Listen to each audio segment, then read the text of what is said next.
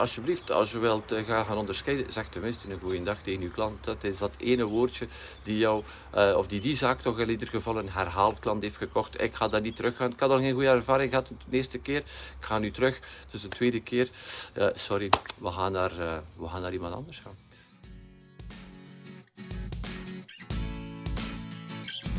Welkom bij de Business Lab Morning Run. Als je een eenmanszaak of een kleine BV hebt, dan is deze podcast voor jou. Ik ben Xavier de Baren, medeoprichter van Business Lab. Elke werkdag na het hardlopen in de vroege ochtend vertel ik alles wat ik weet om een succesvolle ondernemer te worden. Dankjewel dat je erbij bent. Ik wil met jou een story eh, delen van uh, vrijdagavond. Uh, vrijdagavond al dat een aantal offertes klaargemaakt voor Business Lab Media. En ik zeg, ik ga die nog op de post doen voor 5 uur. Zodanig dat die nog vertrekken en dan die maandag of dinsdag in de bus zijn. En de trein voor mijn jongste zoon kwam aan om kwart over vijf. Oh, ik zeg, ik heb nog net de voldoende tijd om naar de slager te gaan. Ik kreeg toch een heel stuk om om naar een slager te gaan waar ik al eerder keer geweest was.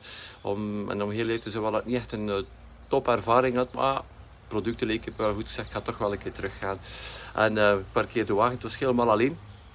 Ik stap, de, ik stap binnen. En er is daar een van de medewerkers is daar bezig een bestelling waarschijnlijk aan het klaarmaken, wat gehakt uh, voldoen. En ik sta daar te wachten. ik heb het geteld, ja, 16 seconden ben ik blijven wachten. Die mevrouw keek gewoon niet op. Waarschijnlijk dacht ze dat ze daar een goede indruk mee ging geven, met te laten zien dat ze bezig was.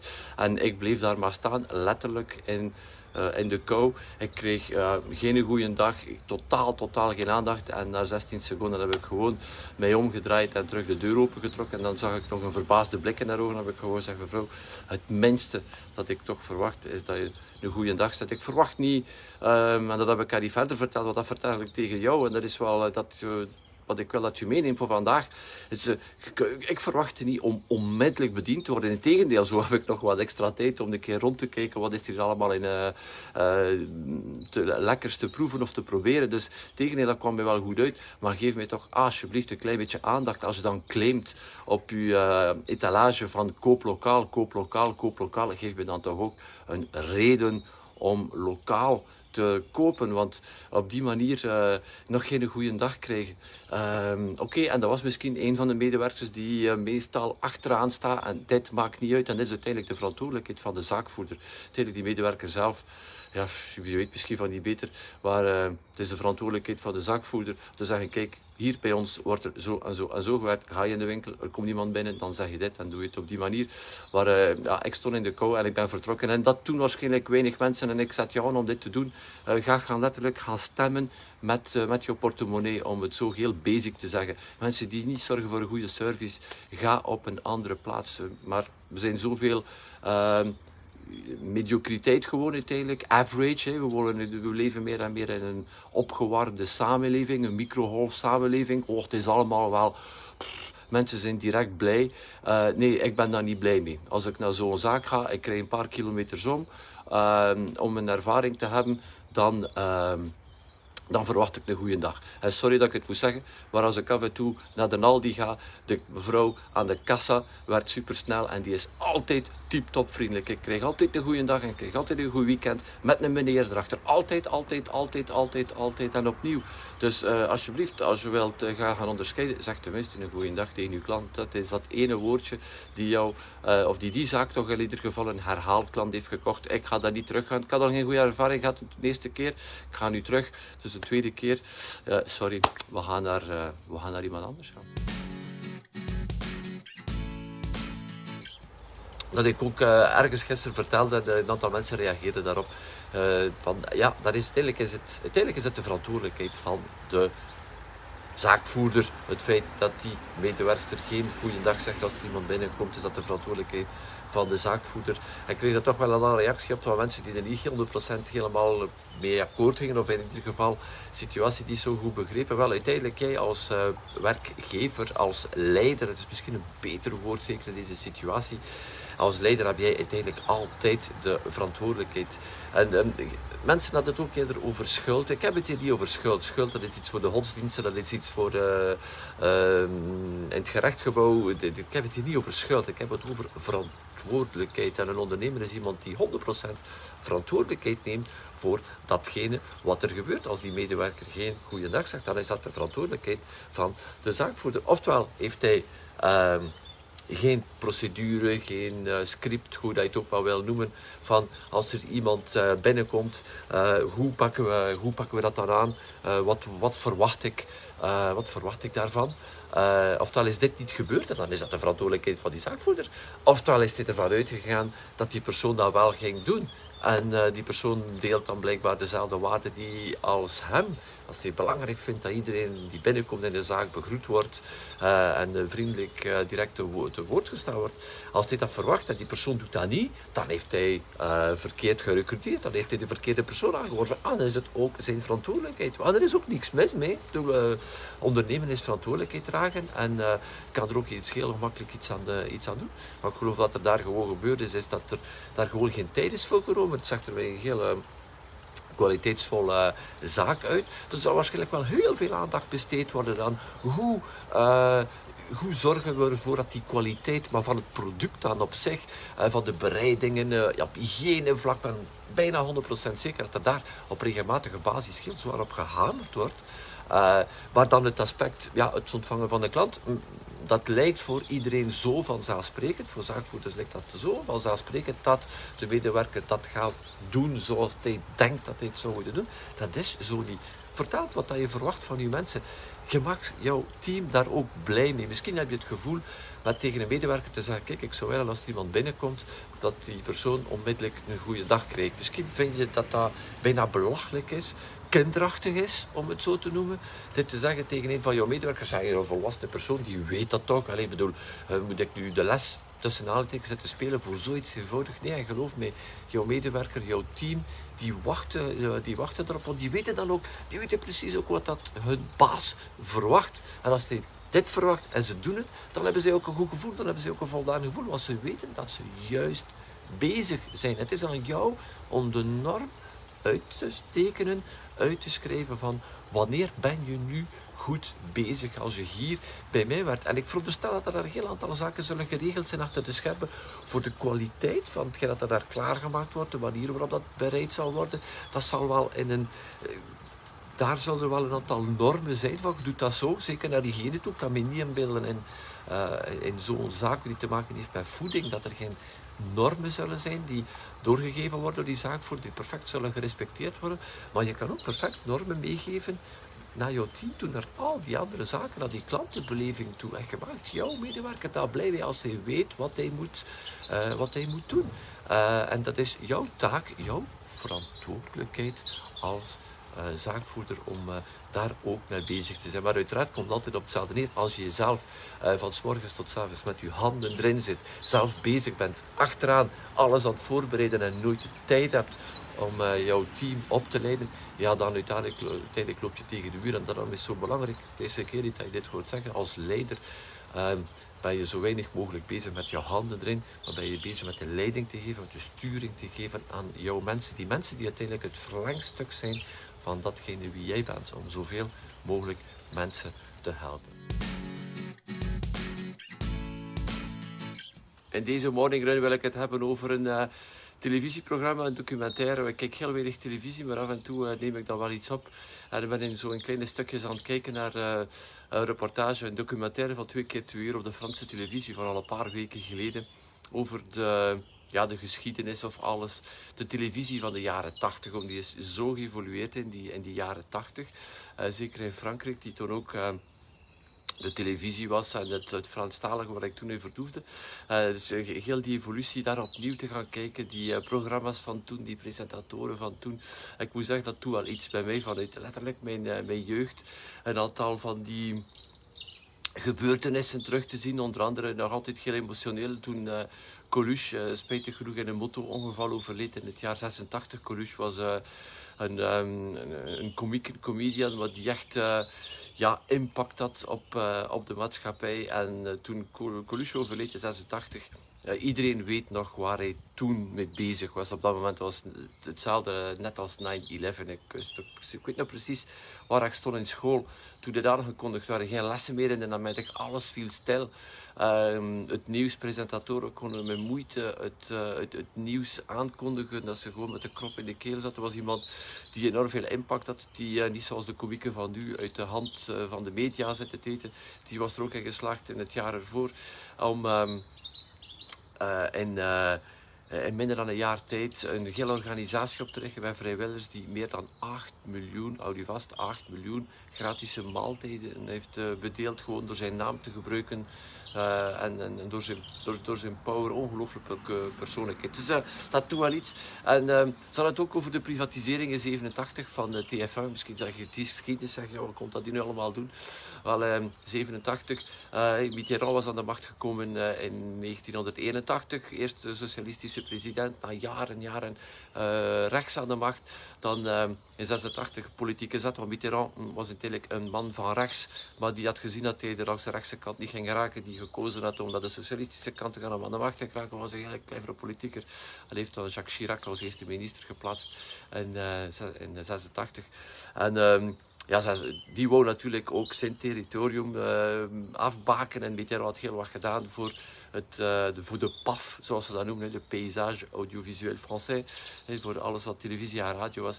En uh, Chirac zei, we gaan TF1 privatiseren. De grootste zender toen.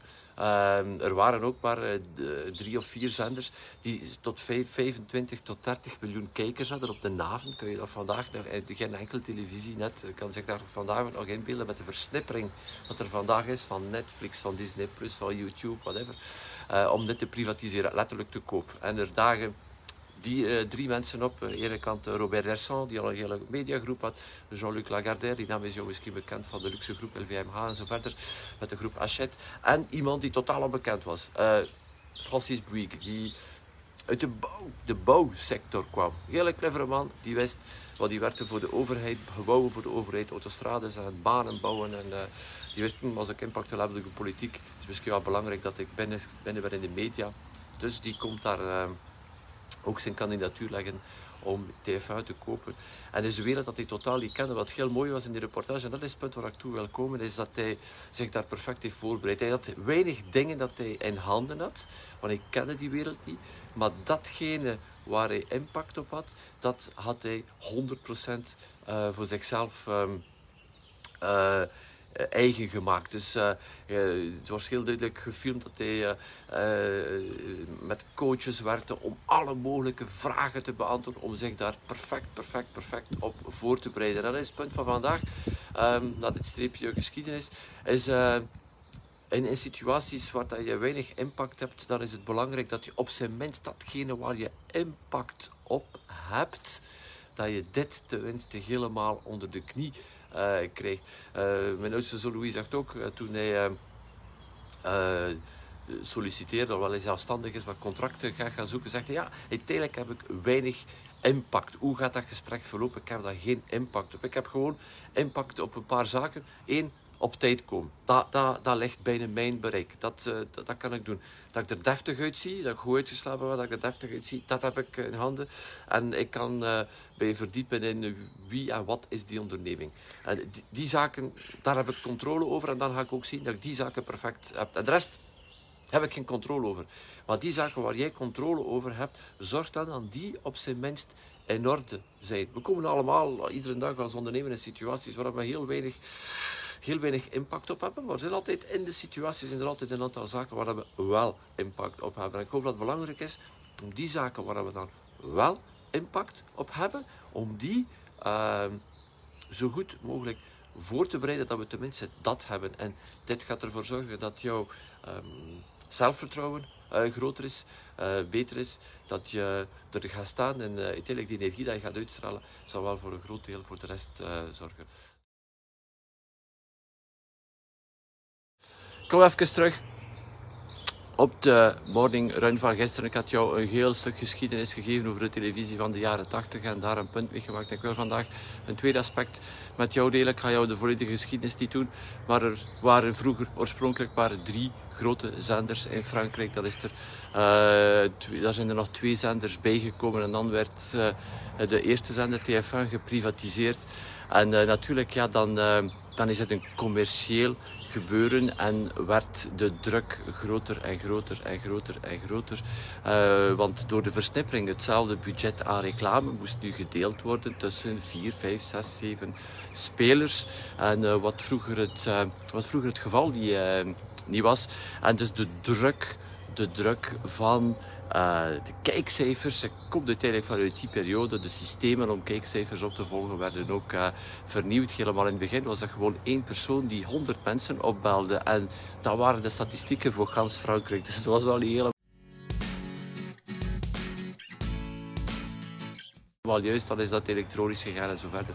Nu, dat is een andere story. Um, wat dat belangrijk was, dat, dat al die verschillende televisiekanalen allemaal ongelooflijk in competitie zaten onder elkaar. En uh, daar nog heel wat geld moesten tegenaan gooien om aan de top te blijven. En dan was er één buitenbeentje. En dit is uh, watgene dat je kan meenemen voor vandaag om over na te denken. Dan had je Canal Plus. Waarschijnlijk heb je het logo al gezien van Canal Plus als je een andere films kijkt. Want die, uh, die produceren heel wat films, of mede produceren heel wat films ook vandaag. En Canal Plus was de nieuwkomer, maar die volledig op abonnement werd. Dat was totaal nieuw. De jaren 80 een abonnement was er een, een bakje gaan halen. Moest daar, ja... Een hele, het was een heel speciaal toestel, heel complex ook. Maar dat was met een abonnement. De mensen betaalden iedere maand opnieuw en opnieuw en opnieuw. Om betere films te hebben, om zaken te zien dat de andere uh, zenders niet, uh, niet konden laten zien. En vooral ook, ja, geen reclame. En het interessante was dat er altijd een stukje was, rond kwart voor acht, dat ze dan en clair, dat iedereen kost nemen, dat geen bakje nodig. En uh, ja, dat teasen natuurlijk om naar de rest te gaan kijken. En Canal Plus deed enorm goed. Die anderen waren allemaal aan het vechten onder elkaar over dat, om datzelfde been te hebben. Om diezelfde groep uh, van adverteerders te hebben. En beter en beter en beter. En zij waren volledig apart omdat ze betalende abonnees hadden. Betalende klanten hadden. En dit verandert compleet de dynamiek. En dit is iets om over na te denken in jouw business. Je creëert geen loyaliteit met alles gratis weg te geven, met alles maar alles te geven, te geven, te geven, te geven, te geven, te geven, te geven, te geven. Uh, zo werkt het. Ik had Plus had een selectie gemaakt, een veel kleinere groep, maar die bereid was om te betalen. Hij heeft daar ook letterlijk echte fans van gemaakt. En uh, iets om over na te denken in jouw business. Misschien zie je op dit ogenblik nog niet hoe je, dat je dit kunt doen of wat dat je van uh, deze les kan meenemen, maar toch uh, blijf, erbij, blijf erbij stilstaan. Twee vorige morningruns heb ik het gehad. Ik had jou verteld dat ik daar een uitgebreide documentaire had gekeken voor de weinige keer dat ik naar televisie kijk. En toevallig over een reportage, over documentaire over de televisie van de jaren 80 in Frankrijk. Die dan ook wel uh, de wereld was uh, waar ik toen in leefde. Ik had je al twee inzichten gedeeld. het eerste inzicht was bij de privatisering van een van de zenders dat er uh, een partij kwam die totaal niets kende van die wereld. Mensen die in de bouw actief waren. En uh, dat ze dan ook hebben vastgepakt datgene waar ze controle over hadden. En dat was ook een tip voor jou en jouw business. en gisteren had ik het in de morning run over ehm, het feit van dat de ene kant zaten we met heel wat versnippering, versnippering intussen die zenders. En dan was er ene zender die het totaal, totaal, totaal, totaal anders aanpakte. En dat was ook een, interessant, een interessante les, een interessant, interessant inzicht om mee te nemen naar jouw onderneming toe. Vandaag een laatste en derde inzicht is na die privatisering uiteraard. Kijkcijfers, kijkcijfers, ik heb het er ook al over gehad. Dat wordt al zo, zo, zo belangrijk. En... Um, die, eh, die nieuwe televisiezender, die nieuwe commerciële zender, zat zich af te vragen, ja, hoe gaan we nu zo snel mogelijk meer kijkcijfers halen om natuurlijk die advertentie die, reclame, die reclame binnen te krijgen, want daar draait die televisie uiteindelijk rond, die commerciële televisie rond. En um, in de jaren tachtig was uh, toch wel een, een, decennia waar muziek heel, heel, heel aanwezig was.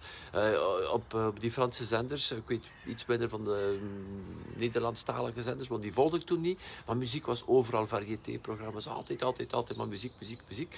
En die muziek van de jaren tachtig heeft ons ook wel getekend, ja, zeker mijn generatie. Maar ik zie ook zelf in de jongere generatie, als de muziek van de jaren tachtig opkomt, op een of andere manier, iedereen staat zo op de dansvloer, iedereen heeft goesting om in beweging te komen, jong, oud en, uh, en die altijd ertussen zit.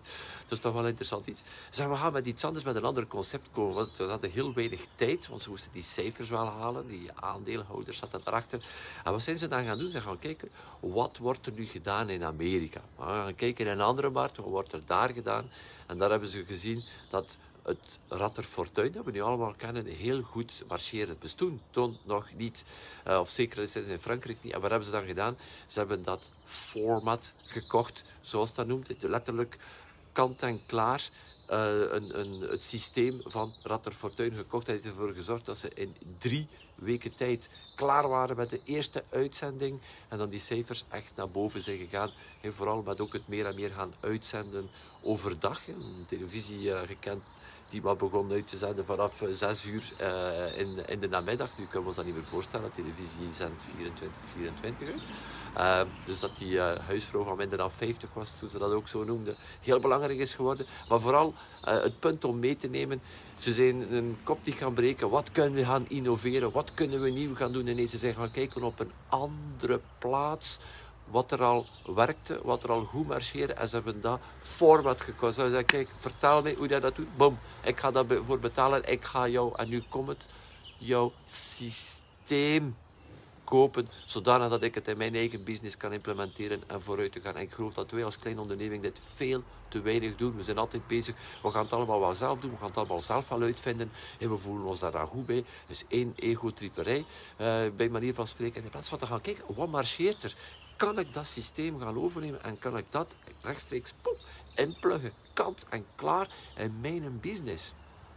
En dat is iets waar we veel meer moeten over nadenken. We hoeven niet alles te gaan daaruit vinden. Daarom dat we altijd naar Amerika trekken voor onze marketing. Zodanig dat we ook zien wat gebeurt er daar. Amerika loopt een paar jaar voor op eh, alles online is. Wat gebeurt er daar? Wat kunnen we meenemen naar ons toe?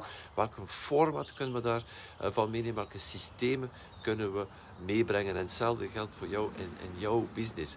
Daarom dat wij ook een marketing-systeem op punt gezet hebben voor onze klanten. Een systeem dat ze letterlijk stap voor stap voor stap voor stap voor stap kunnen implementeren, zodat ze met zekerheid voorspelbare resultaten krijgen in plaats van alles opnieuw te gaan eruit vinden. Dus de kracht van systemen. Kijk naar McDonald's. Wat maakt de kracht van McDonald's? McDonald's heeft een McDonald's Universiteit gemaakt waar je naartoe gaat om te leren hoe je een McDonald's runt.